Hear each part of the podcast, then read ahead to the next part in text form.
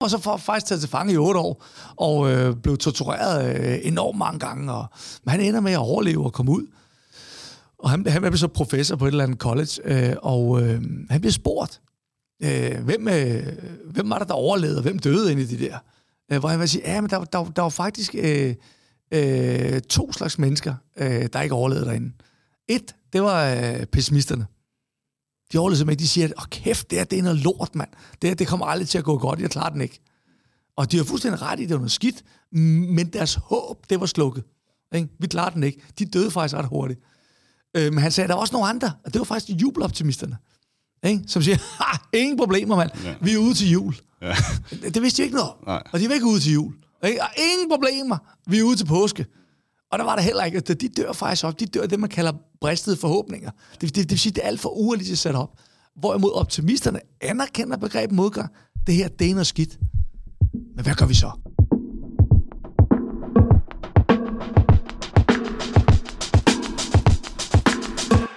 Ej, hvor sjovt. Ej, hvor sjovt. Ja, Din foredragsliste derinde på hjemmesiden, det er også virkelig en blandet skare. Kæmpe altså blanding. alting. men optimisme er jo for alle.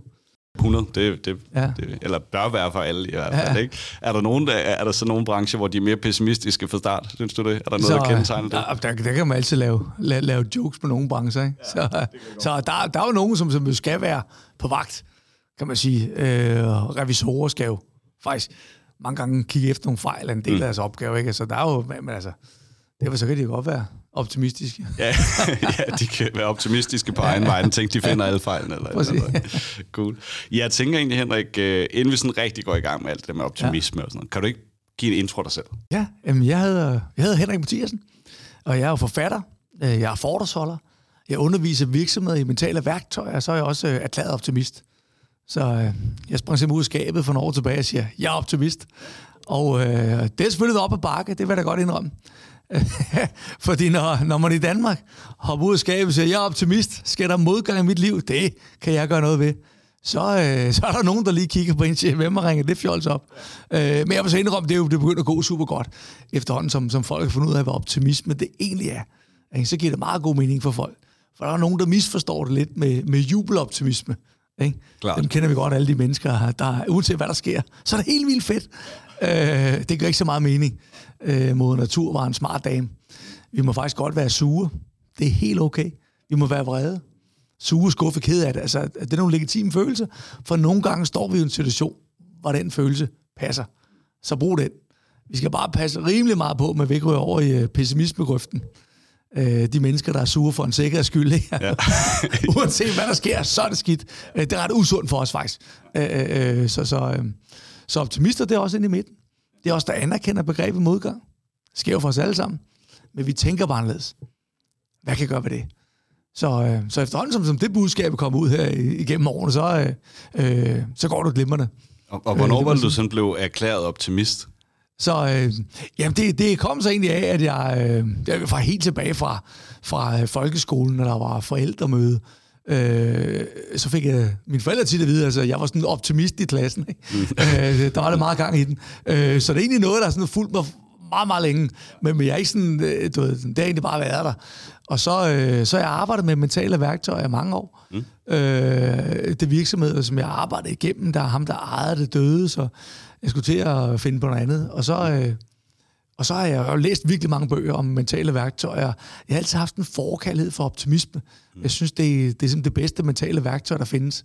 Øh, og så er der ligesom så, tænker jeg, nu, nu brander jeg mig så tingene i eget navn, øh, og så brugte jeg så øh, optimisme-brandet. Og øh, var der noget sådan bestemt, der ligesom ledte til, altså udover at øh, den virksomhed, du var i, ejeren døde og sådan noget, eller var sådan en eller anden bestemt grund, du tænkte, okay, nu er det, nu er det så nu, du tager det spring, og, og, og den titel på dig, eller...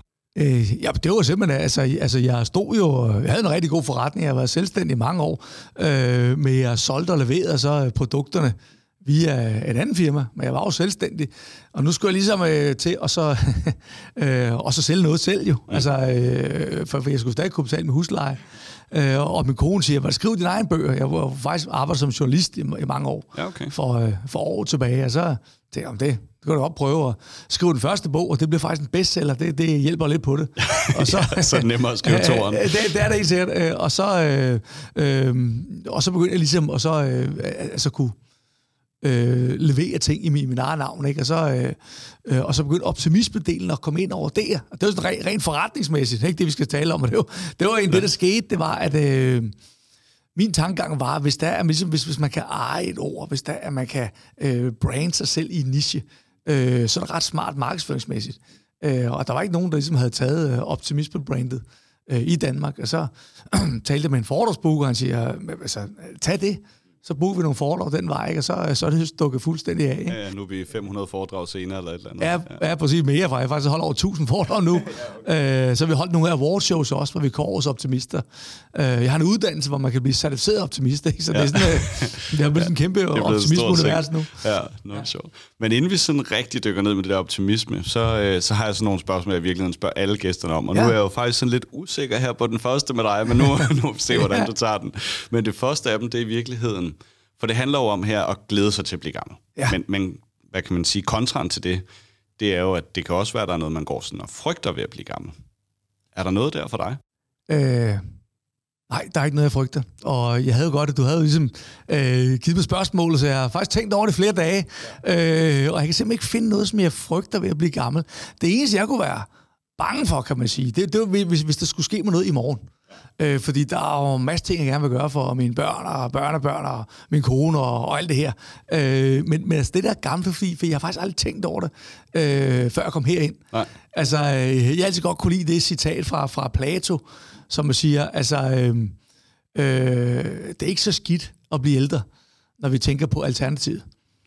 Nej. og, og, og, og det, det, så kan jeg godt lide at så være i nuet. Det er fordi jeg ikke sætter meget mål, men, men jeg glæder mig til, til det, der kommer til at ske. Ja. Øh, og det er også det, jeg glæder mig til, hvad der kommer til at ske, altså i morgen, øh, om en uge. Øh, jeg glæder mig til at blive gammel også, jo. Mm, mm. Øh, der, og, og, og kunne sidde og læse for øh, historie fra ens børnebørn, for eksempel. Det glæder mig helt vildt meget til. Der, ja. der, der er mange ting, jeg glæder mig til. Så er ikke, noget, som jeg frygter ved det, fordi, fordi det er jo faktisk fedt at blive ældre.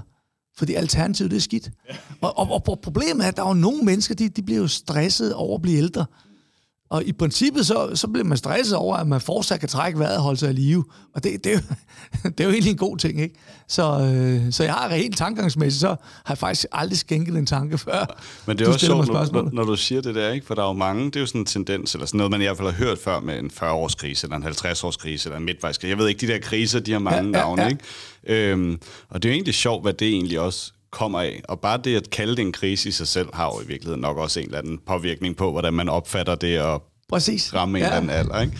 Men øh, jeg havde på fornemmelsen, du havde det her perspektiv. Ja. Øh, men det kunne være lige med dig så, at der måske er et eller andet, hvor du har sådan en særlig optimisme omkring noget, du sådan glæder dig sådan, øh, hvad kan man sige, ekstra meget til, ved så at blive ældre. Så øh, altså, øh, der, der er sådan et, et, et par ting der. Et, så, så håber jeg jo helt vildt, når jeg altså jeg kommer over det, man så kalder pensionsalderen. Jeg har ikke mm. nogen planer om at skulle på pension. Men jeg håber, øh, at jeg vil gøre alt for det, at folk gerne vil høre mig holde foredrag til den tid. Der er jo, der er jo nogen i, i min branche, der stadig holder foredrag, selvom de har rundet 80 år. Jeg synes, det er fantastisk. Det vil jeg vildt gerne. Godt, at man holder lidt færre måske, ja. øh, men, men det vil jeg ut- utrolig gerne. Så det, det, det er sådan et håb, som jeg har for fremtiden. Øh, og, og så er der sådan lidt mere end af, nu har vi fået det, det første barnebarn, og nummer to er på vej. Jo, tak skal du have. Og, øh, og det er jo faktisk noget, som jeg glæder mig helt vildt til. Det kan godt blive åndssvagt. Man sidder og læser noget Ole Lund Kirkegaard-historier for dem. Mm. Det, jeg håber helt vildt, de gerne vil. Det, ja. det er jo bare sådan noget, det er sådan en lille ting. Ja. Øh, men for mig der er den kæmpe stor. Det, øh, øh, men det er også det med, at, at jeg tror, det er meget vigtigt, at man træner sig selv i, og så glæde sig over de små ting. Mm. Øh, fordi vi kan jo godt via vores tanker gøre små ting store. Øh, og det tror jeg er rigtig vigtigt, øh, også når man bliver ældre, at vi rent faktisk siger, okay, hvad så? Okay? Altså, fordi øh, der er jo det der, jeg kunne tale med min mor om dengang, da hun fyldte 40, det var mange år tilbage. Mm. Ikke? Og så siger jeg, 40 mand, du skulle da ved at blive gammel, ikke? der var jeg, der var jeg jo knap så gammel, der var jeg, der var jeg måske været 17. Og så, øh, og så siger hun, øh, ja altså, øh, hun gad kun at være 17 år igen på én betingelse og det var, at den erfaring, hun har i dag, hvis hun kunne have den, ja, med, den skulle med. Så, ja. men hun kunne simpelthen ikke bytte. Og, og, og det er jo også en ting, som jeg virkelig synes, man kan glæde sig over, når man bliver ældre. Det er jo den erfaring, som vi samler sammen igennem. Altså, man er jo meget klogere. Ikke? Jeg kan huske, da jeg var 17 år, der vidste jeg alt jo. Jeg vidste det hele. Og hvis du ikke tror mig, kan du bare spørge mine forældre. Ja. ja. og så bliver man 20 år, og så siger jeg, okay, det kan godt være, jeg ikke vidste alt, da jeg var 17. men det gør jeg nu. Ja, ja. Og det var først, jeg blev endnu ældre, hvor jeg fandt ud af, hold nu kæft, man, man, man lærer så længe man lever. Og hvis man lærer så længe man lever, så vil du vide mere, jo ældre du bliver. Det må være dejligt at glæde sig over. Jeg tror også, den der, øh, hvad skulle vi kalde den, øh, faldgruppen i optimismen, jubeloptimismen, den er Ja. nok også mere øh, tilstedeværende, når man er 17. Det har den nok i hvert fald, øh, uanset om det så var at style på en scooter, eller hvad det var, jeg kastede mig ud i. så er jeg måske sådan lige optimistiske nok ting. Jo, ja, men helt sikkert. Jeg, jeg, jeg kan da huske, at da jeg selv blev 40, jeg, jeg blev 50 til næste år, øh, da jeg blev 40 år, og så siger jeg, der, nogen kommer og siger, hold da kæft, man, nu er blevet 40, mand. Så siger jeg, ja, det er ikke vildt, mand. Det troede jeg sgu aldrig på, dengang da jeg var yngre, vel? Altså, jeg, jeg, jeg klarede den ikke. Man glæder sig over, at man bliver ældre. Det- Hvad hvis vi, øh, hvis vi tager det der optimisme-begreb, så tænker ja. Ja. jeg, at det kunne være meget fedt i virkeligheden at få din definition på det. Øh, hvordan vil du definere optimisme? Jamen, jeg, jeg definerer faktisk optimisme ud for, hvad der står øh, i ordbogen. Mm. For jeg synes, det er så rammende. Ja. Altså, optimisme står, det er jo, det er jo en attitude til livet. Det er en tro på, at en given situation kan udvikle sig i en positiv retning. Okay. Det er alt, hvad det er. Og øh, alle mennesker står jo fra tid til anden i en situation, hvor det er det ikke så godt. Vi vil godt have, at det bliver bedre. Så, så det er jo faktisk, hvad op- optimisme er. Skår helt ind til benet. Og, øh, og i og med, at vi alle sammen står i den situation i ny og næ, så har vi alle sammen brug for optimisme i ny og næ. Og det er jo så altså en tro på, at en given situation kan udvikle sig i en positiv retning. Og det, der så er meget vigtigt, som når man så begynder at nørde optimisme, så er det den her tro, den, den ligger i, hvad kan vi selv gøre? Altså, altså, hvad kan jeg gøre for at få det bedre? Fordi går du først ind og spiller offerrollen, så går du faktisk en fagteknisk over i pessimismegrøften, mm. hvor du siger, det er det synd for mig, det er det kommer til at vare for evigt, det bliver aldrig nogensinde bedre. Hvorimod optimister tænker anderledes. De sidder og tænker på, det, det er noget skidt, men øh, det kommer til at så blive bedre. Ja. Pessimister har det så også sådan med, at når der går noget galt på et område i ens liv, så føler de, det gælder hele deres liv. Ja. Altså, hvis der er noget galt på arbejdet, jamen, så er der også noget lort hjemme i pri- privaten og i ens sociale omgangskreds, hvor, hvor, hvor, hvor optimister er gode til at så ligesom trække ned og sige, jamen, det er det her ene punkt i mit liv, der er det ikke særlig godt lige nu. Ikke? Ja. Øh, og, og så er det meget nemmere at komme videre, og så stiller man sig spørgsmål, ligesom, øh, jamen, hvad kan jeg så gøre ved det? Og, det- og det synes jeg er essentielt. Det er jo klart, nogle gange så sker der noget i vores liv, hvor, hvor der har vi fået et nyt vilkår. Mm. Hvis man kommer til skade, for eksempel, så er der måske noget, som man ikke kan mere. Og siger, okay, så er det et vilkår. Så må vi erkende, det er et vilkår med det samme, og siger, hvad så? Ikke? Men, men begynder vi først at grave grøften for os selv, øh, pessimismegrøften, så kan den være rigtig svær at komme op af. For den bliver dybere og dybere. Det, det er jo meget sjovt, at sådan, hvad skal vi kalde det, mellemordet imellem dem, er jo så tit brugt som realistisk. Ja. Og det er lidt sjovt, for når du siger definitionen af optimisme i ordbogen, så lyder det jo ikke som en modsætning af realistisk. Altså, det Nej. lyder overhovedet ikke urealistisk, men alligevel så tror jeg, der er, en, der er sådan en tendens til, at man godt kan komme til at stille urealistisk og optimistisk lidt sammen. Yes, det gør folk. Mm. Helt sikkert. Altså, altså noget, jeg blevet kaldt mange ting. Jeg blevet kaldt naiv og blåret og alle de her ting, jubeloptimister. Det, det mener folk passer meget godt på en optimist. Og jeg kan godt forstå det, fordi det, det er den øh, opfattelse, der egentlig er. Men, men jeg ser jo optimister som værende realistiske væsener. Mm. Det er jo jubeloptimisterne, vi som øh, øh, skal tage afstand fra. Og der, der, var, der var en sjov his- historie, som jeg læste, øh, om en fyr, der hed James Stockdale. Øh, han var øh, den øh, øh, højst rangerende øh, officer, øh, der blev skudt ned under øh, øh, Vietnamkrigen. Øh, og han blevet så taget til fange i Hanoi Hilton, øh, kaldte de det. Og så, øh, og, Det og- lyder ikke som det fedeste Hilton. Nej, nej, det var det. Så, øh, og han var så for, faktisk taget til fange i otte år, og øh, blev tortureret øh, enormt mange gange. Og, men han ender med at overleve og komme ud. Og han, han blev så professor på et eller andet college, øh, og øh, han blev spurgt, øh, hvem, øh, hvem var der, der overlevede, og hvem døde inde i de der? Øh, hvor han vil sige, ja, men der, der, der var faktisk øh, øh, to slags mennesker, øh, der ikke overlevede derinde. Et, det var øh, pessimisterne. De overlevede simpelthen ikke. De siger, åh kæft, det, her, det er noget lort, mand. Det, her, det kommer aldrig til at gå godt. Jeg klarer den ikke. Og de har fuldstændig ret i, det var noget skidt, men deres håb, det var slukket. Ikke? Vi klarer den ikke. De døde faktisk ret hurtigt. Øh, men han sagde, der var også nogle andre, og det var faktisk jubeloptimisterne. Ikke? Som siger, ha, ingen problemer, mand. Ja. Vi er ude til jul. Ja. Det, det vidste de ikke noget om. Nej. Og de var ikke ude til jul. Ikke? Og ingen problemer. Vi er ude til påske. Og der var der heller ikke. De dør faktisk op. De dør det, man kalder bristede forhåbninger. Det, det, det vil sige, det er alt for urealistisk sat op. Hvorimod optimisterne anerkender begrebet modgang. Det her, det er noget skidt. Men hvad gør vi så? ja. Så det, de faktisk gjorde, det var, at de, de prøvede hele tiden at så, så lave nogle no, no, nogle ting, de kunne. noget af torturen, det var faktisk ikke måtte snakke sammen. Men, men så når de kunne fare, så, så farede de på en bestemt måde, så de kunne morse til hinanden. Det var ikke med det almindelige morsesystem. Det kunne fanger vogterne rende ud. De gjorde det på en anden måde. Så de, de prøvede hele tiden at så gøre noget ved den situation, der var. Og det var faktisk dem, dem der levede længst. Så, så, så, så, så jeg ser det sådan med, at realister og optimister, de, de er sådan skåret ud af det samme stykke granit. Ja. Øh, fordi vi anerkender begrebet modgang. Ja, så handler det i virkeligheden om at spørge sig selv, hvad kan jeg så gøre nu? Hvad altså, det, er, det er sådan lidt hoved på sømmet Præcis. det, ikke? Ja. ja. Og det er der jo ikke noget urealistisk i at spørge om. Overhovedet ikke. det, altså. Nå, det er sjovt. Det er også meget sjovt, fordi sådan et begreb, som jeg også tror sådan tit er, øh, er forbundet med optimisme, det der Pippi-citat, som faktisk øh, har jeg fundet ud af, det er slet ikke et Pippi-citat. Men øh, det har jeg ikke prøvet før, det, det, kan jeg, det kan jeg helt sikkert. Det synes jeg er meget sjovt. Sådan, men, Ja. men, øh, men, men selvom det ligesom er sådan øh, fejlciteret, så er der faktisk ret mange studier, der peger på, optimisme kan lede til et længere liv. Ja. Øhm, der er både lavet sådan nogle studier af, hvor man ser øh, de afledte effekter af optimisme. Det er måske ikke optimismen ja. direkte, men det er, som du sagde, altså, hvad kan jeg gøre ved det, og det afleder ja. sådan en masse ting. Ikke? Og der var sådan et ret stort studie i, øh, i, på Boston University med hvad var det, 50.000 deltagere, Ja. øh, som også er blevet testet af alle mulige andre og sådan noget. Hvad, ved du noget om, hvordan det hænger sammen, det der med at leve længere og være optimisme? Øh, ja, der er, jo- der er jo flere til det, og det der er også vigtigt at sige, der, er der, der er lavet mange undersøgelser på det her. Der er også lavet en stor dansk en. Jeg kan huske, det var i 2018, der var der ikke op på. Men, men der er lavet en stor dansk undersøgelse også, der kommer frem med det her, at det bliver op, op til syv år øh, ældre. Øh, hvilket jo er meget specielt, hvis man glæder sig til alderdommen. Så er Ja, det ja, ret så er fedt. det fedt. Så er det fedt at få de der ekstra syv Ja, år. Ikke? præcis. Øh, så, så, og, og så, og det er, altså, altså, altså vi, vi, øh, vi ved jo, at de her øh, øh, øh, negative, bekymrende tanker, det faktisk er med til at nedbryde vores immunsystem. Øh, der, der, er lavet, der er sådan faktisk en rigtig sjov undersøgelse. Eller sjov, hvad man skal kalde den. Jeg synes, jeg, det, det synes jeg faktisk, den er. Øh, der er en videnskabsmand, der hedder Sheldon Cohen. Han, øh, han fik helt unikt lov til at gøre folk syge under videnskabelige forsøg. Øh, og det, det, det må man normalt ikke.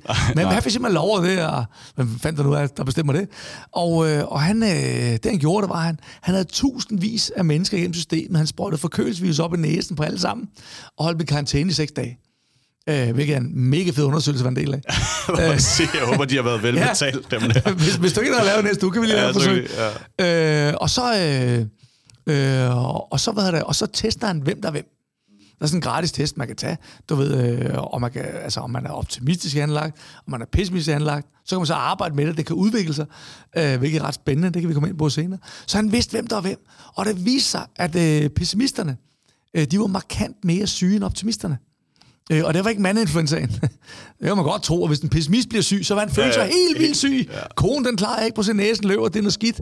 Øh, så den her Sheldon Cohen Lue, han er videnskabsmand. Så det, han gjorde, det var, at han vejede snotkludene. Så der kom simpelthen mere snot ud af næsen på pessimisterne. De var mere syge. Det er vildt fedt sommerferiejob at få. vi har jo en klude, vi skal Ja, veje. du er skal veje dem, ja. så, så, men, men de var simpelthen mere syge. Der var simpelthen mere snot ud af næsen på dem. Og det er fordi, vi ved jo, at de her negative, bekymrende tanker, de er nedbryder vores immunsystem. Og det er smart for os. Og det vil sige, hvis- hvis nu for eksempel, man, man går der og frygter, og så bliver ældre for eksempel, så, øh, altså, så det, kan det være ret mange negative tanker, du lægger på igennem årene. Øh, og det er ikke sundt for os.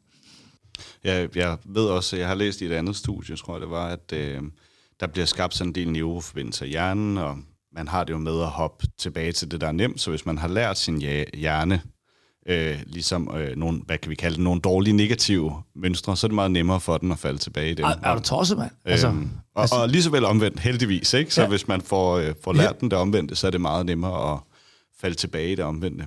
Præcis, og det er også utrolig vigtigt. Altså, Altså, vores hjerne, den vil jo den vil gerne spare energi. Mm. Ikke? Altså, den bruger øh, fandme, øh, over 50 procent af energi, vi bruger, kommer via hjernen. Så den, den skal prøve at, at så gøre tingene nemmest muligt. Øh, så den falder tilbage til vores vaner. Hvilket, hvilket er smart.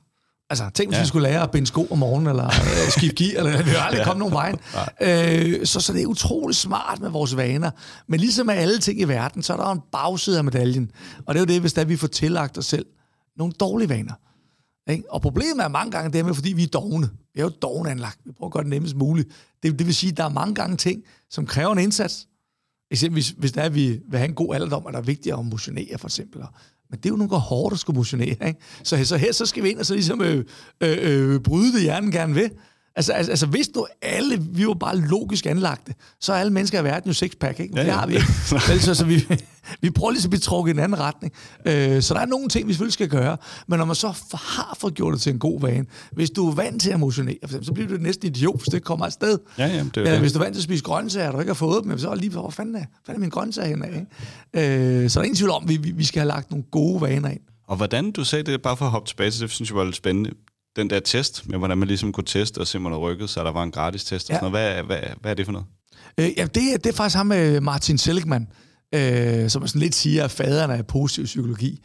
Øh, øh, han har skrevet en hel masse bøger og, og, og super spændende. Er det ham, der var sådan ret stor i... Eller ret stor, men han begyndte sin første, var sådan i 1960'erne, og han begyndte at lave nogle udgivelser, så fandt han senere på positiv, eller fandt på positiv psykologi, men lidt været krediteret. for- Er det ham? Ja, Måske. det er Ja, det. ja, Så, ja. så han arbejder faktisk meget i der også med, med noget, der hedder learned optimism.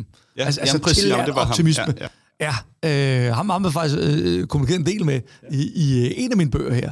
Øh, utrolig spændende fyr, men han... Øh, hvad der, hvor fanden kom jeg fra? Øh, ja, vi kom fra testen. testen. Nej, det var også mig, der kaster ja, dig ja, rundt det, der. det er super. Det var testen, ja. øh, så han har så... Øh, øh, og jeg mener, det, det er Pennsylvania State, eller Penn State. Han er i hvert fald øh, øh, tilknyttet øh, et af de her øh, universiteter. Og så inde på deres hjemmeside, øh, der er det, det, det er sådan en ret lang link, men, men går man derind, så kan man så faktisk finde den. Og så er det simpelthen helt gratis test, man kan tage. Øh, det eneste, man skal gøre, det er egentlig bare lige så oplyse sin navn, og så mailadresse, så kan du få tilsendt de her ting her. Øh, og, det, og det gode er ved, at der er rigtig mange derinde, fordi, fordi så kan de jo måle på, hvordan øh, tingene ligger. Og det spændende er jo her, det her med, at, at den her test kan man tage løbende. Og det betyder, fordi vores hjerne, den er elastisk. Øh, det, det vil sige, den kan man faktisk modellere. Det vil sige, hvis der vi træner den, så, øh, hvad der, så kan vi faktisk træne os mere optimistiske. Der er sådan nogle nervebaner øh, op i hjernen, der faktisk, hvor man kan måle, hvor optimistisk er du. Øh, der er også et, et, et, dansk forsøg her, hvor man fulgte øh, Ole Henriksen, øh, og, og, og, og så en journalist, også Ole, øh, hvor, hvor, hvor, hvor han skulle ligesom prøve så at få den samme hjerne som Ole Henriksen. Og det målte man på over tid, og der kunne man måle en helt tydelig øh, udvikling i, i en positiv retning, en optimistisk retning på hans hjerne, fordi han begyndte simpelthen at så tænke øh, anderledes. Øh, og, og det giver jo helt vildt meget håb, synes jeg, for ens fremtid. Hvis man står et dårligt sted, jamen, så, så er der jo håb.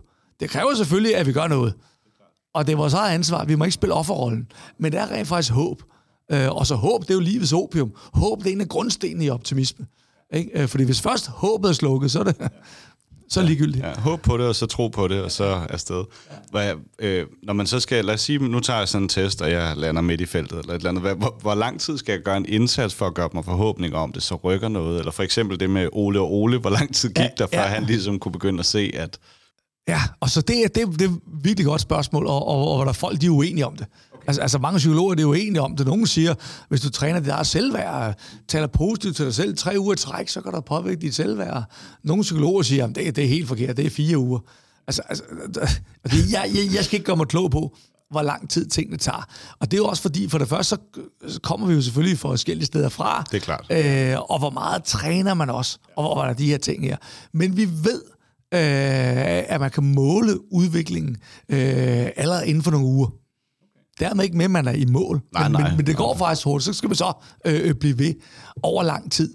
Øh, og jeg er jo også ligeglad med, øh, faktisk, om det skal tage tre uger eller fire uger, fordi hjernen er en muskel. øh, eller et halvt år, for den Øh, sags ja, det er Altså, det. Men for, for, det fordi, det er noget, vi skal arbejde med hele livet.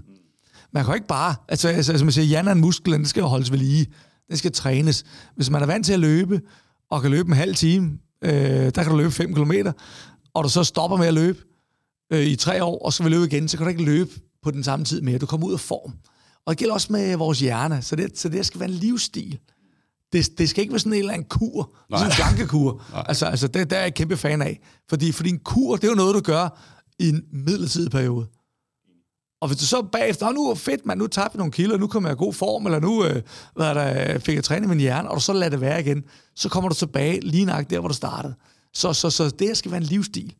Ikke? Nu siger jeg, godt, nu begynder jeg at gøre det her. Det her tror jeg på, det arbejder jeg med, og det gør jeg faktisk øh, resten af mit liv. Men når man så kan begynde at mærke de her forbedringer, der kommer, ikke? så er det jo fantastisk. Lige pludselig kan man ikke stoppe. Jeg kan ikke stoppe om morgenen med at slå hænderne sammen og sige, det bliver en fantastisk dag. Nej, det er en af nej. mine vaner, det var ja, jeg mange af. Ikke? Og, og, og det er jo bare, når man først lige så hold kæft, det her gør jeg. Det er blevet min livsstil, det er blevet den, jeg er. så, øh, så er vi altså tæt på at komme i mål, hvis man kan sige det. Og jeg vil også sige, og jeg er glad for, at du siger det der, fordi hele præmissen her i den her podcast, det er virkelig også, det er rimelig nemt at finde, relativt nemt at finde sådan øh, meget elitære øh, podcast og råd på en eller anden måde, ikke? Som det er det der guldtag på det faldende skur hvor du får den der ene procent ekstra. Ja. Jeg vil jo gerne være, øh, og det er måske også der, hvor man tager en eller anden kur for lige at være helt sådan top inden et eller andet, ikke? Ja, ja. Hvor jeg vil virkelig gerne det lidt modsatte. Altså det, det der, man rent faktisk kan efterleve, og det der, der bliver en livsstil, og det der, der bliver til en vane, og noget, man med tiden faktisk får lyst til, og måske endda bliver lidt afhængig af på ja, en eller anden ja. måde, altså positivt afhængig, eller hvad man kan sige. Ikke? Ja. Øhm, fordi vi kan ikke alle sammen styrketræne syv gange om ugen, og kun spise grønt, og øh, sove 12 timer, og du ved, altså det bliver, det bliver for meget, ja. og det bliver uoverskueligt Ja. at komme i gang med. Ikke? Præcis. Og det samme med, med, med træning i hjernen. Ikke? Så det der med, hvis man kan finde leje, hvor uh, det bliver en naturlig del af ens hverdag, og noget, man lyster ikke gør en eller anden kurpligt. Altså, det er i virkeligheden der, jeg gerne vil. Præcis. Det, er lige, du har en god pointe der, hvis man skal til at gøre noget pligt. Mm. Altså, så bliver det aldrig nogensinde sjovt. Vel? Øh, det er op, at man skal tømme opvaskemaskinen nogle gange. Man har meget fokus på, det er en lort opvaskemaskine. Hvorfor skal jeg tømme den? I stedet for, at man måske flytter fokus til, ej, det er dejligt at have det ryddigt hjem. Ja. Eller, eller hvad det nu kan være. Hvis man har fokus på det, det giver. Ikke? Ja. Og jeg, jeg, jeg, jeg, Det er et sjovt lille hack, faktisk. Det er jo en meget lille ting, egentlig, som kan gøre en stor forskel. kæmpe forskel. Man siger, ej, ja, præcis, så flytter man en fokus. Og jeg, har jeg, jeg kan godt lide at motionere om, morgenen. Jeg, jeg starter typisk med at motionere, fordi der kommer ikke noget i vejen. Øh, og der er nogle gange, specielt i januar, du så der, ser vi nogle, nogle nye mennesker mm. øh, dernede. Det er jo meget klassisk. Og så nu skal de i gang, og så, øh, øj, det her skal bare overstås. Så, så ses vi ikke i fem år. nej, nej. Hvis det er noget, der skal overstås, så din tilgang til det, så, du ved, så bliver det aldrig noget. For, fordi jeg synes jo, det er jo vildt fedt, når jeg kommer ned og tænker på, kæft, hvordan man har det, når man står i badet, og man føler sig i god form. Jeg, jeg tænker på alt det gode, jeg får ud af det. Ja. I, I stedet for det, nogen kunne få fokus på, sure, man skal arbejde med. Ja. Ikke? Så siger jeg, jeg, jeg har fokus på, på det, jeg får ud af det her. Ikke? Ja. Og, så, øh, og så er det meget nemmere. Ja, ja, enig. Enig, det er sjovt også, fordi en ting, som også nu... Øh, jeg træner også om morgenen, og øh, det, der jo sker, det er, at i takt med, at du træner, så får du bare lyst til at træne mere. Så, altså sådan, Ja. så det kan godt være, det er hårdt de første gange, men hvis du går derned og virkelig er, altså oprigtigt prøver bare at glæde dig til det, Præcis. så, øh, så er det meget mere givende. Altså den der øh, pligtting, den tror jeg er træls i alle henseende. Øh, Jeg har, ikke, jeg har ikke lært at se positivt på opvasken endnu, dog, dog. Det kan være, at jeg skal hjem og øve mig på det. Ja, ja. det kan, men altså, du ved. Der er mange ting, vi der, kan der, der er plads til, der er plads til forbedringer alle steder. Jeg har også læst, at man kan bruge optimismen til sådan at ændre sine vaner i virkeligheden. Altså sådan, Ja. sådan lidt mere overordnet. Kan Ja. du sige noget om det? Så øh, jo, men, men altså, hvis vi går helt tilbage på, hvad det er, altså ordbogen siger, så er det en tro på, at en given situation kan udvikle sig i en positiv retning. Det vil sige, hvis du har en dårlig vane, så tror du faktisk på, at det, her, det kan blive en god vane. Ja. Ikke? Øh, så så øh, plus det, der også ligger i optimisme, det er jo det her med, at man handler. Altså, vi gør noget ved det. Ja. Ikke? Og, og, og, altså, og hvis du skal bryde en vane, så bliver du, så bliver du nødt til at gøre noget anderledes. Altså, altså det, det ligger i sig selv. Hvis, hvis du gør det, du har gjort hele tiden, så får du lige nøjagtigt de samme resultater, du har fået hele tiden.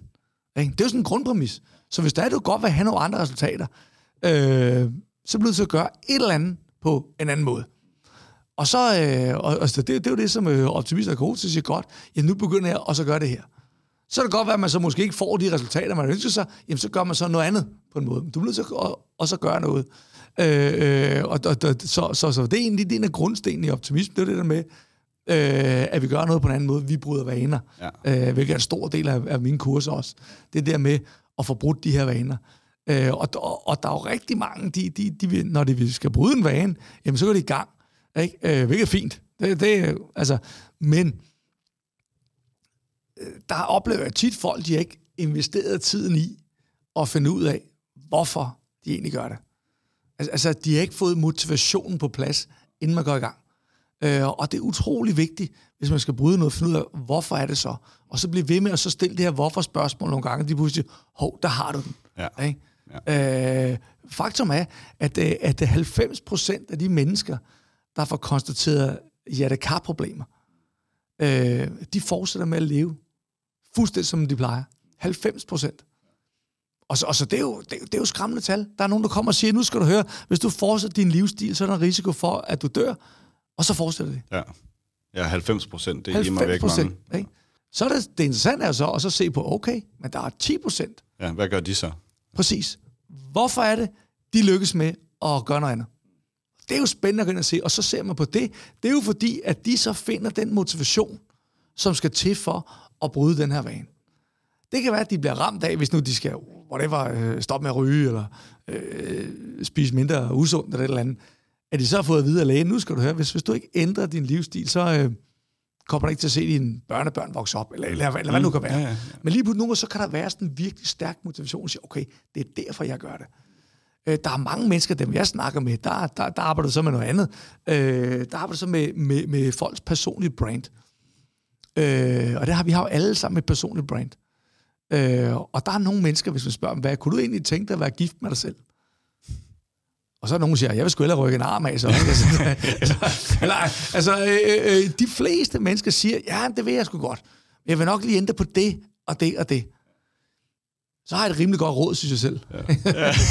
ja. Ændre på dem. Ja. Ikke? Altså, øh, og, og, og, så, og, og der er det her med, at vi også spørger, hvad kunne du tænke dig altså, at blive ældre sammen med dig, hvis du det var mand og kone? Ikke? Og sige, ah, okay, øh, jeg forstår ikke lige ændre på det her. Ikke? Jeg skal da ikke være sur om morgenen. Jeg skal et eller andet. Så nogle gange, så, så kan folk finde motivation i deres personlige brand. For alle har et. Altså, altså, de mennesker, som kender en, de har en holdning til en. De synes noget om en. Hvad synes de? Ikke? Og der er nogen, der tænker, hold da kæft, det skulle nok ikke særlig smart. Nej, det tror jeg heller ikke. Men så, ved du hvad, så, så, så ved du, hvad du skal i gang med. Præcis. Så er du så begyndt at lave om på de her ting her. Øh, og så det kan godt, det, der er nogen, hvor man så rammer den motivation. Og det er jo fuldstændig individuelt, hvad det er. Jeg siger bare, at inden man overhovedet begynder på at bruge, eller øh, bruge tid på, og skal bryde en vane, find lige ud af, hvorfor du gør det. Ikke? Og så kan du finde ud af, hvordan gør man så det? Ikke? Øh, vores hjerner er egentlig bygget op af to hjernehalvdele. Hvis vi lige forsimpler den en smule, så har vi en venstre og en højre hjernehalvdel, og den ene halvdel spørger, hvordan gør jeg tingene? Og den anden spørger, hvorfor? Det, det, det, men, men, men, men vi bruger jo, næsten alle mennesker bruger begge hjernehalvdele. Så det betyder, at vi skal faktisk besvare de to spørgsmål. Ja. Hvorfor gør det? Men mange glemmer hvorfor. Mange ved bare, hvordan. ja, de hopper bare direkte hvordan. Yes. Ja. Hvordan? Det, det, det er sådan en løsning er. Men man har ikke styr på, hvorfor er det vigtigt. Ikke? Så, øh, så, så ender du øh, meget sjældent med at komme i mål. Så vi, vi skal have begge dele med. Så det er utrolig vigtigt. Ja, jeg tænker også, der er vel også nogen, der kommer frem til, der er ikke et hvorfor her, der er stærkt nok, så måske bare skal lade være med at ændre det. Ja. Altså, det er jo ikke, Ja. altså, du ved, så kan det jo godt være, at man rationaliserer sig selv frem til, alright, jamen så er det måske det rigtige at gøre, selvom det kunne godt være en ryger. Lad os bare tage, Ja. altså igen, jeg skal ikke opfordre folk til at ryge eller noget, men det kan godt være, at man som ryger at prøve, det gør mig pisseglad. Og Ja. øh, Præcis. et, jeg ved det ikke, Nej. men, men, men at, så hvis der ikke er noget stærkt hvorfor, så, så er det måske alligevel en tabt kamp at, Ja. at begive sig lidt ud i. Præcis, fordi, fordi det, der sker, hvis nu det er, at man gang på gang prøver at bryde en vane, og du ikke er motiveret nok, du har ikke fået et øh, hvorfor, så får du en vane med, at du ikke kan bryde dine vaner. Og det er med en dårlig vane. Ja, ja. Så hellere så sige, fint nok, jeg har da også nogle ting, jeg venter på, så siger, det, det, det gider jeg ikke. Jeg ved, det er ikke vigtigt nok for mig. Ikke? Så, så, så, så jeg ved, hvis jeg sætter mig noget for, ikke? Jamen, så skal jeg nok lykkes med det, for det er en vane, jeg har. Men det betyder også, at jeg siger nej til nogle ting, hvis jeg kan mærke, det er ikke vigtigt nok. Det er også sjovt, du siger det, fordi det har jeg jo så også læst. Jeg tror faktisk, det er ham, du nævnte før. Der. Han har også lavet et eller andet studie, hvor det viser sig, at øh, det translaterer sig ligesom det der, at hvis du først har givet dig selv en vane, men du ikke lykkes med dine vaner, for eksempel. Ja. Altså hvis du først har givet dig selv det selvbillede, så selvom det er noget helt andet, altså noget, der slet ikke har med det at gøre, så lad os sige, at du lykkedes ikke med at stoppe med at ryge, bare, og det prøvede du en del gange. Ja. Og øh, nu vil du bare gerne i gang med at spise en gulerod om morgenen, eller et eller andet, som overhovedet ikke har noget med hinanden at gøre. Ja. Så vil du på forhånd, så vil pessimismen faktisk tage over Ja. ja. for de fleste der. Yep, Øhm, det lykkes jeg ikke med. det lykkes jeg ikke med, så der er ikke nogen grund til at gå i gang med det. Præcis. Eller, og i virkeligheden også, det, det var det, hans studie handlede om, hvor man udsatte nogen for noget ubehageligt. Ja. Og så fordi de først havde prøvet noget ubehageligt, hvor de var blevet sat i en situation, hvor de ikke kunne komme ud af den. Lige præcis. Så bagefter blev de sat i en situation, hvor de godt kunne, men så havde de opgivet på forhånd. De lod bare være med at prøve at komme ud af den, og tog bare det der stød eller støj, eller hvad det var. Ikke? Den, er, den, også, den, lige præcis den undersøgelse er faktisk fra hans bog Learned Optimism. Ja, okay. øh, og, og den er utrolig interessant. Det er derfor, vi ikke må tillægge os de der øh, dårlige vaner. Øh, og hvis man tager den med at ryge, der, der er Mark Twain, eller så er der Oscar Wilde, for jeg kan huske. En af dem sagde, øh, jamen, at stop med at ryge, det er den nemmeste i verden. Prøv at se mig. Jeg har stoppet med at ryge tusind gange. så, øh, ej, men, ja. men, men, men, men der er lige præcis det der med, at vi faktisk vender os til, at det man lykkes med. Og når nu man taler om personlig brand, vi kender jo alle sammen mennesker, at når man kigger på dem, og de skal i gang med noget nyt, Så tænker man, det lykkes aldrig nogen ja. For det gør det aldrig for dem. Men der er også nogle andre, når vi kigger på dem. Jamen, hvis hende der siger det, så ved man bare, hun ja. lykkes med det. Fordi, ja. altså, øh, hun lykkes altid med hendes ting. Så, så det, er, det er også en del af vores personlige brand. Jeg har lyst til lige sådan at gå, gå lidt tilbage, Ish, men du nåede lige sådan lidt at berøre nu det her med vaner. Det er nogle af de ting, som du sådan konkret arbejder med, når du ja. arbejder med nogen. Ja. Hvad, hvad, hvad er ellers sådan det, man konkret går ind og arbejder med? Hvis man nu skal være certificeret optimist, eller hvad man kan sige, og kommer på kursus hvad er det så? Ja. Hvad er det så, du, du, du prøver at lære? Ja, altså, altså certificeret optimist, der, der, der er mange ting ind over den her. Okay, altså, det hele okay. det, det går efter det her med, at vi, øh, øh at vi skal have det bedst mulige liv. Øh, så, så det så arbejder vi alt med, med, med selvværd, øh, selvtillid. Øh, vi arbejder med stresshåndtering, øh, konflikthåndtering. Øh, vi arbejder med personlig branding, øh, vanebrydning. Det er, jo, det er jo en kæmpe ting. Øh, vi arbejder med sådan nogle øh, universelle love. Altså, altså der, der, der er nogle love derude, der faktisk betyder utrolig meget for vores liv. Vi er nødt til at forstå, hvad er det for nogen? Øh, altså, altså nogle, nogle mentale love. Så det, det, det er egentlig meget det, vi arbejder med. Altså plus, øh, jo, optimisme er der alt overskyggende, ikke? Øh, hvordan vi faktisk håndterer modgang. Ikke? Mm. Øh, og, og, og har vi alle de her ting på plads, altså, altså, altså, altså, altså, altså har man et højt niveau af selvværd, hvilket vi selv kan påvirke, øh, så går vi altså meget nemmere igennem modgang, hvis den sætter ind. Fordi det går ikke ondt på os som personer. Vel, det er noget udefrakommende. Ikke? Altså, jeg er sgu en god person, uanset hvad. Ja. Der er mange, der banker sig selv alt for hårdt oven i hovedet, øh, hvis de laver en fejl. Ja. Eller hvis nogen, der siger ja, ja. noget negativt til dem, eller hvad det nu kan være. Ikke? Øh, så det er egentlig ret vigtigt. Øh, stresshåndtering også er jo vigtigt at finde konflikter.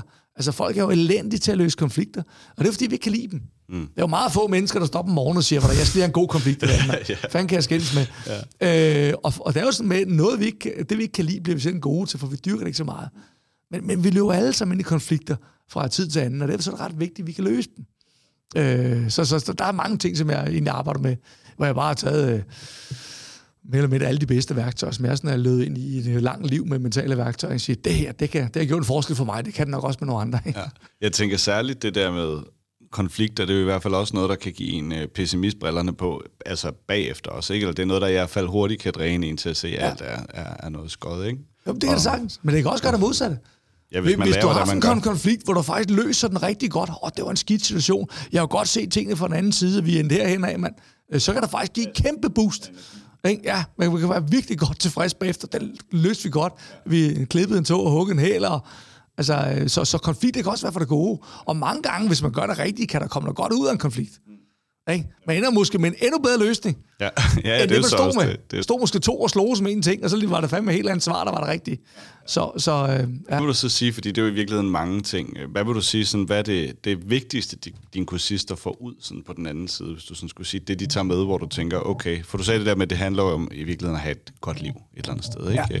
Hvad, sådan, hvad, hvad er måske det, der kendetegner det mest, når man så kommer ud derfra? Hvis man skulle prøve selv sådan ja, at... Yes. Øh, ved, altså, hvis jeg kunne sætte én ting på det, så er det, så er det nok det her med, at man har øh, utrolig stor øh, påvirkning på sit eget liv.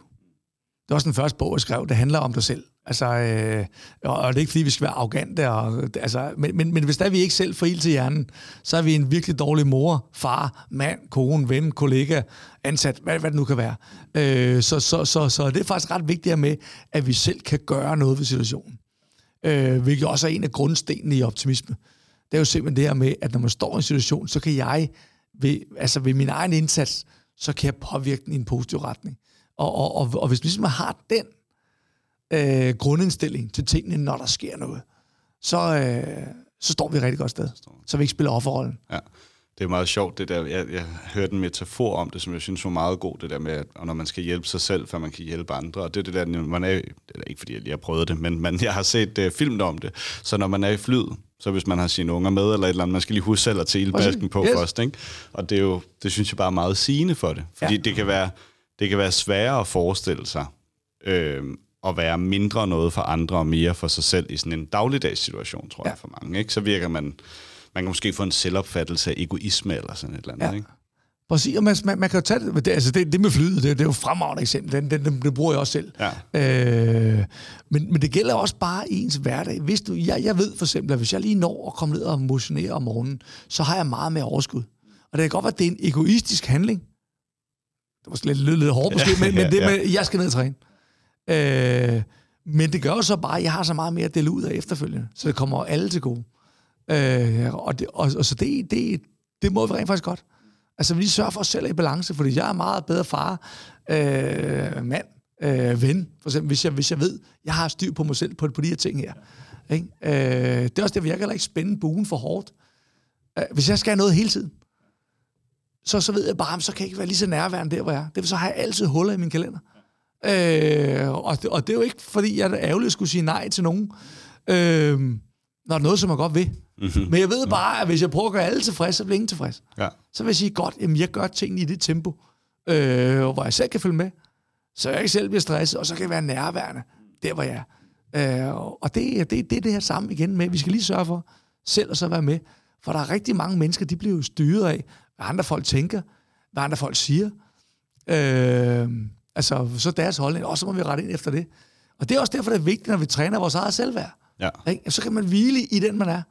Ja, det kan godt være, at du synes det, men nu har jeg det her behov, og det er det, jeg kører efter. Jeg siger ikke, vi skal være ignorante, vi skal lytte på, på, på, på, på den konstruktive feedback, selvfølgelig. Øh, men der er jo nogle mennesker, vi skal være helt ærlige derude, jamen, de er ikke dit bedste for øje. Det, det, det er deres eget budskab, de skal ud med. Ikke? Og så, og, men så er der nogle andre, de har jo dit bedste for øje. Så skal vi skulle lytte til dem. Ja. Jeg tror i virkeligheden, der er mange, der kommer til at have andres bedste for øje for meget. Altså, hvor de ja. giver mere af sig selv, end de har, og får nedprioriteret sig selv, ja. og så i virkeligheden gør det, at det, de så giver til andre, bliver dårligere. Altså, så, det det. fordi ja. at det, det, det vil det jo også gøre for en selv. Ja. Altså, hvis, øh, hvis man strak sig selv helt ud altid, og altid underkendt sin egen behov, ja. jamen, eller lige så så er man ikke så nærværende. Måske også lidt mere spids, end hvis man er... Og det bliver man. Ja, ja, det kan ikke? gøre. Fordi vi har alle sammen oplevet, når der er de der søde, rare, empatiske mennesker, der lige pludselig, så eksploderer det. Ja. Og så siger hold nu kæft, så, så er de simpelthen givet for meget for længe. Ja. Øh, øh og det er super fedt at give, fordi det med at give bliver man selv glad af. Så jeg siger ikke, vi skal være ignorant eller noget nej, som helst, men jeg siger bare, at vi må ikke glemme os selv i processen. Nej, nej. Hverken når der, vi er yngre, eller når der, vi bliver ældre. Og nu havde vi begge to, vi, vi træner os begge to morgen, kan jeg høre, men det kan også være ens eget behov at læse en bog hver dag, eller hvad det nu må Det, kan, altså, det kan være alt muligt. Men, ja. hvad, hvad med sådan, fordi jeg har læst, at man bliver mere realistisk med alderen. Øh, at det, er det så ekstra vigtigt der, at man, og nu igen, det kommer jo lidt an på definitionerne af realistisk, optimistisk, ja, ja, ja. urealistisk og hele det der, men er det så vigtigt, at man bliver mere ops på det her, når man bliver lidt ældre? Altså er der sådan et eller andet med, at man mister sin optimisme med alderen? Eller? Altså, altså jeg oplever, og, og jeg har faktisk ikke lige en, en, statistik på det, men, men det kan godt blive mere markant, når der, at man bliver ældre. Sådan som når der er, at man møder et ældre menneske, så er hun for eksempel øh, altså helt vildt rund og høflig og dejlig, og du ved, altså, de kan simpelthen blive så forstående som ældre. Ja. Men der er også nogen, der går over den anden grøft. Og så, altså, så bliver den der gamle mavesure mand. Ja. Og, ja. og ham, ham, ham gider man simpelthen ikke at være. Vel, altså, øh, så, så, så derfor så skal vi, vi skal lige følge med udviklingen, hvilken retning bliver trukket, og så sørge for, at vi lige kommer det hen af, øh, hvor, hvor der er bedst at være. Fordi selvfølgelig ændrer vi os over tid. Ja. Det er meget sjovt det der, for jeg kan faktisk godt genkende det der lidt polariserede billede. Ja. Altså af ældre mennesker. Det bliver ja. super stereotyp, der er heller ikke lige en af de statistikker, jeg på. Jeg læste bare og synes, ja, ja. det var i virkeligheden, øh, det, var, det var meget sjovt. Ikke? Øhm, hvad med en anden ting, som jeg har læst, og man kan måske regne sig lidt til det, men jeg vil stadig gerne have dine ord for det. Ja. Social relationer og så optimisme. Nu nævnte du selv Ole Henriksen. Jeg forestiller mig, at han har fine sociale relationer. Han virker ja altså ja. som en, som hvis man mødte ham på gaden, så ville han sige hej, selvom du ikke kendte ham agtigt. Ikke? Så tænker jeg, så, så får man flere sociale relationer. Men, men hvad er der sådan ellers? Styrker det også de sociale relationer, eller får man bare mere kvantitet? Ja. Eller hvad ja. sådan... Og, og altså, vi, vi øh, ved jo også det fra, fra videnskab, det der med, hvis der man er ensom for eksempel, det, det, det er jo en af de største dræber, der ja. overhovedet er. Ja, absolut. Øh, vi, vi ved jo rent faktisk, at, at, at hundeejere, de bliver faktisk også ældre. Øh, det er der så to årsager til. Øh, et, så, så får det faktisk en del motion. De går meget, de skal ud og gå med hunden, men de er også selskab. Okay? Og, og, øh, og, og så netop det der med, vi, vi er jo stammefolk af natur. Vi kan godt lige høre til, vores sociale relationer, de er vigtige. Det kan vi også godt mærke under coronaen, og lige pludselig manglede man noget derude. Ikke? Altså, så, så, så, så vi har behov for også at høre til. Og der optimistiske mennesker, de, de, de, de, det, det ved vi, de, de, de har stærkere sociale relationer. Fordi det er jo nogen, som man faktisk også godt vil være sammen med. Ja. Øh, forstået på den måde. Det er jo helt ned til, hvis der man skal løse et problem. Man har et problem. Jamen, hvem kommer så til? Har man, har, har man fokus på, eller, eller kommer hen til pessimisten, som, som bare har fokus på problemer, hele noget skidt, det gør der ikke. Du går hen til optimisten, fordi øh, jamen, jamen, han eller hun har fokus på løsninger. Vi kan gøre noget ved det her. Ikke? Øh, og det er jo sådan set også øh, sjovere at være sammen med. Og det, er, det har intet at gøre med, om man er introvert eller ekstrovert. Det er bare den attitude, vi har til livet. For der er nogen, som bare sidder og brokker sig hele tiden, og det gider vi ikke. Der har vi faktisk mere behov for øh, også at være sammen med de andre mennesker. Så vi ved, de har, de har stærkere sociale relationer, hvis man har den holdning, den tilgang ja. til livet. Hvordan øh, sådan, fordi det tænker jeg også må være en ting, der måske kendetegner optimismen, og måske kan være ulempen. Nu tager vi lidt tidligere talte vi om stereotype faggrupper, som revisoren for eksempel, hvor der er det må, måske meget fint at være lidt min, mindre optimistisk i nogen henseende. Ikke? Du skal ja, ja. sidde og finde fejl eller et eller andet. Men er der nogen sådan risiko for, hvis man nu dyrker det her og får sådan en overoptimistisk tro på egne evner, eller hvad vil være forsvaret mod det? Øh, jeg kan for eksempel godt bilde mig selv ind, jeg kan andet. Det ja, gør jo ja. så, at jeg kan det meste, men jeg det kan, kan ikke alt. Du kan det hele andet. ja, præcis. Jeg har ikke fundet ud af at tage opvasken, det har jeg ikke fundet. Men ellers, ellers er alt andet den. Nej, men du ved, sådan, er der et eller andet, man kan gøre for sådan ligesom barrieren den anden vej, og bør man det, eller skal man bare øh, kaste sig ud i tingene, ja, eller hvad vil være det altså, sådan altså, grund? Altså, og det er jo også det, det er det, nogen, så kommer over i den der jubeloptimisme, hvor det hele, det var fedt. Og, og, øh, og, og selvfølgelig er der noget sundt i, at man ligesom tror, at man kan de her ting. Men vi bliver selvfølgelig nødt til at have en realiste, eller realisme med. Ikke? Det er også derfor, nogen de ender med at så, så få stress, fordi man spænder buen for hårdt. Ja. Den er heller ikke smart. Så vi skal lige have den der. Det er også det der, folk joker lidt med, at øh, øh, nogen, der kommer ind i... Øh, X-Factor, øh, som virkelig ikke kan synge, det er fordi, ja. de synger skide godt. ja. Ikke? Altså, så, så, så, selvfølgelig ja. er der den her med, at vi skal lige have den her, øh, hvad er det, vi kan, og så, og så er det, vi ikke kan. Og der, og der, og der kan jeg godt lide den der øh, sunde fornuft der. Ikke? Hvor man siger, ah, altså jeg har jo helt vildt mange ting, øh, jeg godt ved i min virksomhed. Der er simpelthen så mange gode idéer, og folk kommer med. Men jeg ved jo bare, at jeg kan kun tage, tage fat på nogle enkelte af gangen. Så, så, så knækker jeg buen. Så jeg har fundet ud af, altså, altså hvad jeg kan, og hvad jeg ikke kan. Og så gør det i det rigtige tempo. Og problemet også her er lidt, synes jeg, og det er helt personlig holdning der, det er det her med, at, at uh, ude på de sociale medier bliver det alt for meget glansbillede. Mm. Ikke? Ja. Hvor man får lagt alt muligt op, og du ved, øh, øh, man har lige stået og skændes med hele familien, men så laver man sgu lige en bolle eller et eller andet, så lægger vi der, ja, hjemme bare boller, ja. går skide godt. Altså, altså så, så mange, så måler vi os op mod noget, der er urealistisk. Ja, så ikke? bliver man jo ikke en succes. Nej, og, og så derfor så, så tror jeg lige, vi skal... Er ikke der lægge billeder op af nogle nybagte boller. Altså. nej, men, nej. Men, men, men det er bare, vi skal lige passe på med, at, at, at vi ikke stresser os selv til at skulle løbe for stærkt. Der er også nogen det der med, at hvis man ikke får 12 i skolen, mm. så er det noget skidt. Ikke? Og jeg kan da godt lide konceptet. Hvis jeg går op til en eksamen, så, så prøver man at gøre det bedst muligt. Ikke? Men, men øh, som jeg også har, har sagt til alle mine egne unger, og, og dem, der gider høre på det, og, og så, så, så siger jeg, at det, det, det er fint nok med de karakterer, du får. Ja. Altså, men det er den karakter, du har, der er det vigtige. Ikke? Det er en god pointe. Og, og, og så det, det synes jeg bare, så siger, altså, så gør det ikke så meget. Vi skal ikke banke os selv for hårdt oven i hovedet. Øh, det synes jeg er utrolig vigtigt ja, i forlængelse af det, så er der også en grundlæggende ting i det der med at prøve måske mere at sammenligne sig selv med sig selv. Man har jo sådan en tendens til, apropos det med glansbilleder og bolder, ikke? Så, så, så tror jeg, der er mange, der kommer til at sige, okay, det der det er det bedste fra en eller anden, og så sammenligner man det med, med det værste i sig selv. Ikke? Så taber ja. du altid. Du ja. kan altid finde en, der er bedre til at bage surdejsboller eller tjene penge, eller hvad, hvad det nu er, Præcis. du gerne vil, yep. vil bench dig selv op i at tabe. Ikke? Jo. Det, det tror jeg også, det er mere fremtrædende i hvert fald, end det var nok blandt andet på grund af sociale medier, men i hvert fald, det var det. Jeg er helt enig. Der, det, det er trukket ind i en forkert retning. Der er det ret vigtigt, at vi kommer tilbage, og ligesom siger, fint nok, fordi der er jo altid nogen, der er bedre til end noget. Men det er bare sjældent, der er nogen, der er gode til alt. Altså, øh, hvor, hvor der, der, der kunne for eksempel være... Øh, øh, der er måske nogen i skolen, der, der er, måske ikke får de allerbedste karakterer, men mange gange i skolen, så bliver der mål på din øh, hvad, hvad, hvad der sproglige, verbale intelligens, din matematisk-logiske, det er de to primære. Vi har altså en hel del andre intelligenser også. Det bliver der ikke mål på. Øh, der er den sociale intelligens. Ikke? Så siger jeg, der er nogle mennesker, de er jo enormt socialt intelligente. De får ikke karakter for det i skolen, men, men, men det er dem, der så som de der... Øh, hvad der er unævnte ledere, dem, der, du, dem, dem man går til. Ikke? Og de bliver vildt meget værd i erhvervslivet senere, ja. men de har ikke fået de allerbedste karakterer. Så, så derfor så nogle gange, og, og det er ikke de at tage karakter ned. Nej, nej, nej. Altså, det er super vigtigt at lære at læse og skrive. Altså, i min verden, det gør ikke så meget, om du får et, et, et, et, et firtal eller et syvtal, eller, eller, eller hvad en du får. Det er fint nok. Ikke? Et eller andet sted viser karakteren bare, jamen, altså, altså, hvor hurtigt har du kunne, kunne øh, lære det her, for eksempel. Ikke? Ikke? Altså, ja, jeg kan sige, der var, der var flere 4 7 taller i min karakterbog, og også en 12-taller. Ja, ikke, at jeg har nogen succesmålstok, men du ved. nej, nej, det, der, der, det er også fint. Ja. Fordi hvad er hvis du er god til de andre ting? Ja, ja, præcis. Ikke? præcis. Øh, og, og der er også nogen, de, de er jo vildt gode til at gå i skole, og respekt for det. Ja. Men, men, men, men, men hvis der bliver fokus for meget på det, at man skal have det 12-tal i stedet for, at man kommer ud og måske er mere sammen med andre mennesker. Altså, altså vi, vi skal, vi skal, jeg kunne godt tænke mig, at vi tog det lidt mere øh, gelente. Øh, og så skal vi nok nå det.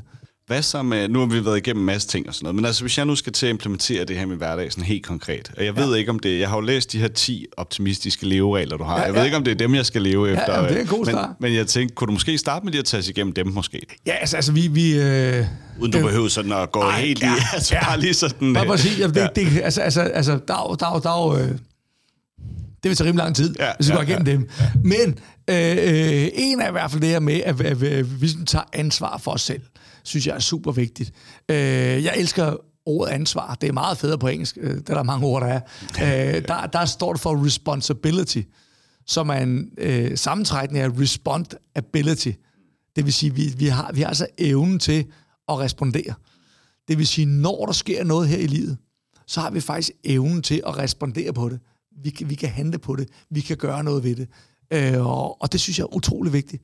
Øh, når der sker noget skidt i vores liv, og siger, eller hvad det nu kan være, hvad gør jeg for det her? Hvordan vil jeg reagere på det? Øh, det synes jeg er rigtig vigtigt. Der har vi Victor Frankl, øh, kendt øh, øh, psykolog også. Øh, øh, han havde jo øh, den der uforløste drøm, jo, fordi man har frihedsgudinden øh, på, hvad der, det må så være østkysten i USA. Ja. Han, vil have, han vil have Statue of Liberty, og han vil godt have Statue of Responsibility på den anden, fordi han mener, frihed og ansvar, det går simpelthen hånd i hånd. Øh, og det synes jeg er, er vigtigt, for vi må aldrig frelægge os det her ansvar. Øh, og så er der så også en, som jeg godt lige vil nævne her, for det, det, er, det, det, det her med at så give øh, komplimenter. Øh, og give komplimenter, det, det er, der er mange mennesker, kan både være dårlige til at give komplimenter, men også dårlige til at modtage komplimenter. Og jeg, jeg, en af mine, jeg kalder levereglen, så det der med at altså, være egoistisk, give folk kompliment. Forstå på den måde, at når man giver folk kompliment, så får man det faktisk selv godt. Det er faktisk rart, og, og hvor der gør en god gerning. Så man får det faktisk selv godt ved at give komplimenter. Så, så derfor så prøver jeg altid, at jeg skal altid give flere komplimenter hver eneste dag. Jeg skal finde på et eller andet at rose folk for. Så kan du så tænke lidt over, at jeg ikke har fået nogen endnu. Altså, jeg synes, jeg sagde før, at du kunne alt det. Nej, det er rigtigt. Ja, det er men, rigtigt. Men, men ja, det vil også sige, dem, dem, dem må lave lidt, øh, øh, hvad det, måske lidt påtaget. Men, øh, men også det der med, så, hvor, hvor du sidder og sagde, at du faktisk følte dig selv optimistisk. Det er lys ud af dig. Ikke? Bare, bare de der små kommentarer, som man kommer er, er, er faktisk gode. Øh, men det der så også er, så mange folk glemmer ved komplimenter, der er mange, der er dårlige til at tage imod dem. Hvis man får et kompliment, øh, hey Adam, det var godt stykke arbejde, du har lavet det, altså, ah, det var ikke noget. Altså, lad nu være med det. Mm. Ikke? Nu kommer der nogen, der taler direkte ned i din underbevidsthed, ikke? hvor der her der er et kompliment. Tag imod den. Prøv at underbygge den i stedet for. Tak skal du have. Jeg har også gjort mig umage fedt, du lægger mærke til det, for det betyder meget for mig, eller et eller andet, underbyg den, så den kommer ned. Så vi skal faktisk være gode til at tage imod komplimenter. Og, og jeg elsker ydmyghed og beskedenhed, det er nogle gode egenskaber, men alt med måde. Ikke? Vi må ikke være for ydmyge, altså, for det er heller ikke godt for os. Ikke? Altså, så der må jeg godt sige, tak skal du have. Det synes jeg var en uh, god en. Det tror jeg, jeg tror nu også, der er mange, der godt kunne give flere komplimenter, men jeg tror, yep. at der er endnu flere, der er dårlige til at modtage dem. Der sidder en ja. her i hvert. Ja, ja, ja. Det, jeg lytte på ud, ikke? Ja, det synes jeg var en, øh, en god pointe. Øhm, hvad hedder det? Den, øh, hvis vi går tilbage til øh, din, din første af dem. Hvordan er det så, hvis jeg skal, altså hvis jeg nu skal gøre det, hvordan skal jeg træne sådan, øh, du taler om at træne det, ikke? Altså hvad, hvad, hvordan træner jeg det sådan specifikt? Er det sådan, hvor jeg, er det sådan noget meditativt-agtigt, eller er det sådan noget mindre om, okay, men du sagde du for eksempel, du starter morgen med lige at klappe ja. dig selv i hænderne og sige, det her, det bliver sgu en fed dag. Ja. Altså, kan du give sådan, hvis jeg nu skulle have tre konkrete med hjem, så går jeg hjem og øver dem, ja. og så når vi ses igen om tre måneder, så er jeg... Øh... Ja, så, øh, ja altså, altså der, er jo, der, er jo, der er jo vildt mange ting, man kan gøre. Øh, det, der er vigtigt, det er jo det med, at man ikke, hvis man skal til at lave noget om, så prøver man at ændre på øh, 15 ting ja. på en gang. Ja. Fordi så var det ikke lykkes. Ikke? Så travlt har vi heller ikke. Vi, vi, skal, vi skal nok nå at blive ældre. det, kan vi, det kan vi glæde os til. Ja, det er det. Ja. Øh, så det der, man siger, godt, nu vil jeg arbejde med for eksempel de her tre ting. Ikke? Øh, eksempelvis, øh, min egen, det jeg gør om morgenen, jeg, jeg tager altid en snuser om morgenen. I, kun én, ikke 10, så begynder man at blive lidt presset. Men tager én, for det gør, når, når jeg så har, jeg ved, jeg har 9 minutter, hvor jeg kan ligge og så tænke nogle gode tanker. Ikke? Øh, hvor jeg lige tænker, ej mand, altså, hvad jeg glæder mig til i løbet af dagen, og hvor jeg heldig jeg har min kone. Tænker en masse gode tanker. Øh, fordi det er sådan en god start på dagen, og så ringer anden gang, så rejser jeg mig op, slår hænderne sammen. Det bliver en fantastisk dag. Det er sådan for at så komme, komme øh, godt i gang. Øh, så er en, som jeg så laver... Øh, øh, jeg, jeg gør det så flere gange i, i løbet af dagen, men psykologerne siger, hvis, hvis der man kan bruge tre minutter om dagen på at have en positiv dialog med sig selv, øh, så gør det jo en forskel. Der kan man, kan man træne vores selvværd. Øh, og der er, jeg har en positiv dialog med mig selv hver eneste dag. Og det kunne man gøre. Ikke? Og vi kan altid finde tre minutter. En dårlig undskyld, ja. hvis der er, at vi ikke... Hvad, hvad, hvad siger du så til dig selv? Hvad kunne det jeg siger alt muligt. Jeg siger, jeg siger, en af klassikere, jeg siger, Henrik, du er en uh, glad, optimistisk person. Du prøver at hjælpe så mange, du overhovedet kan. Ikke? Du stjæler ikke, du slår ikke, du har integritet. Ikke? Hvis alle var ligesom dig, var ikke noget krig i verden. Eller, eller, ja, eller, jeg, jeg, jeg putter alt muligt på. Siger du det sådan verbalt, øh, højligt, øh, eller sætter dig selv ind i hovedet? Jeg, eller sådan? Øh, enten så, så siger det til mig selv, øh, ind i hovedet. Hvis jeg står i badet for eksempel. Hvis jeg er ude og kører bil på vej til et foredrag, øh, så, øh, så, så siger jeg det højt, og så sidder jeg for mig selv. Ikke? Altså, øh, så, så var det... Øh, øh, det gør jeg faktisk hver eneste gang, jeg skal ud og holde foredrag. Så, så, har jeg, du ved, så, så taler direkte, ind, op, ja. direkte ind i mit, i mit eget foredrag. Så, så er det det, som jeg så adresserer det på. Men det virker også både med ens arbejde og ens øh, altså, altså, altså privatpersoner og alle de her ting. Ikke? Så, så det, det, det er super vigtigt, og det lyder så banalt, men øh, vi ved, det virker.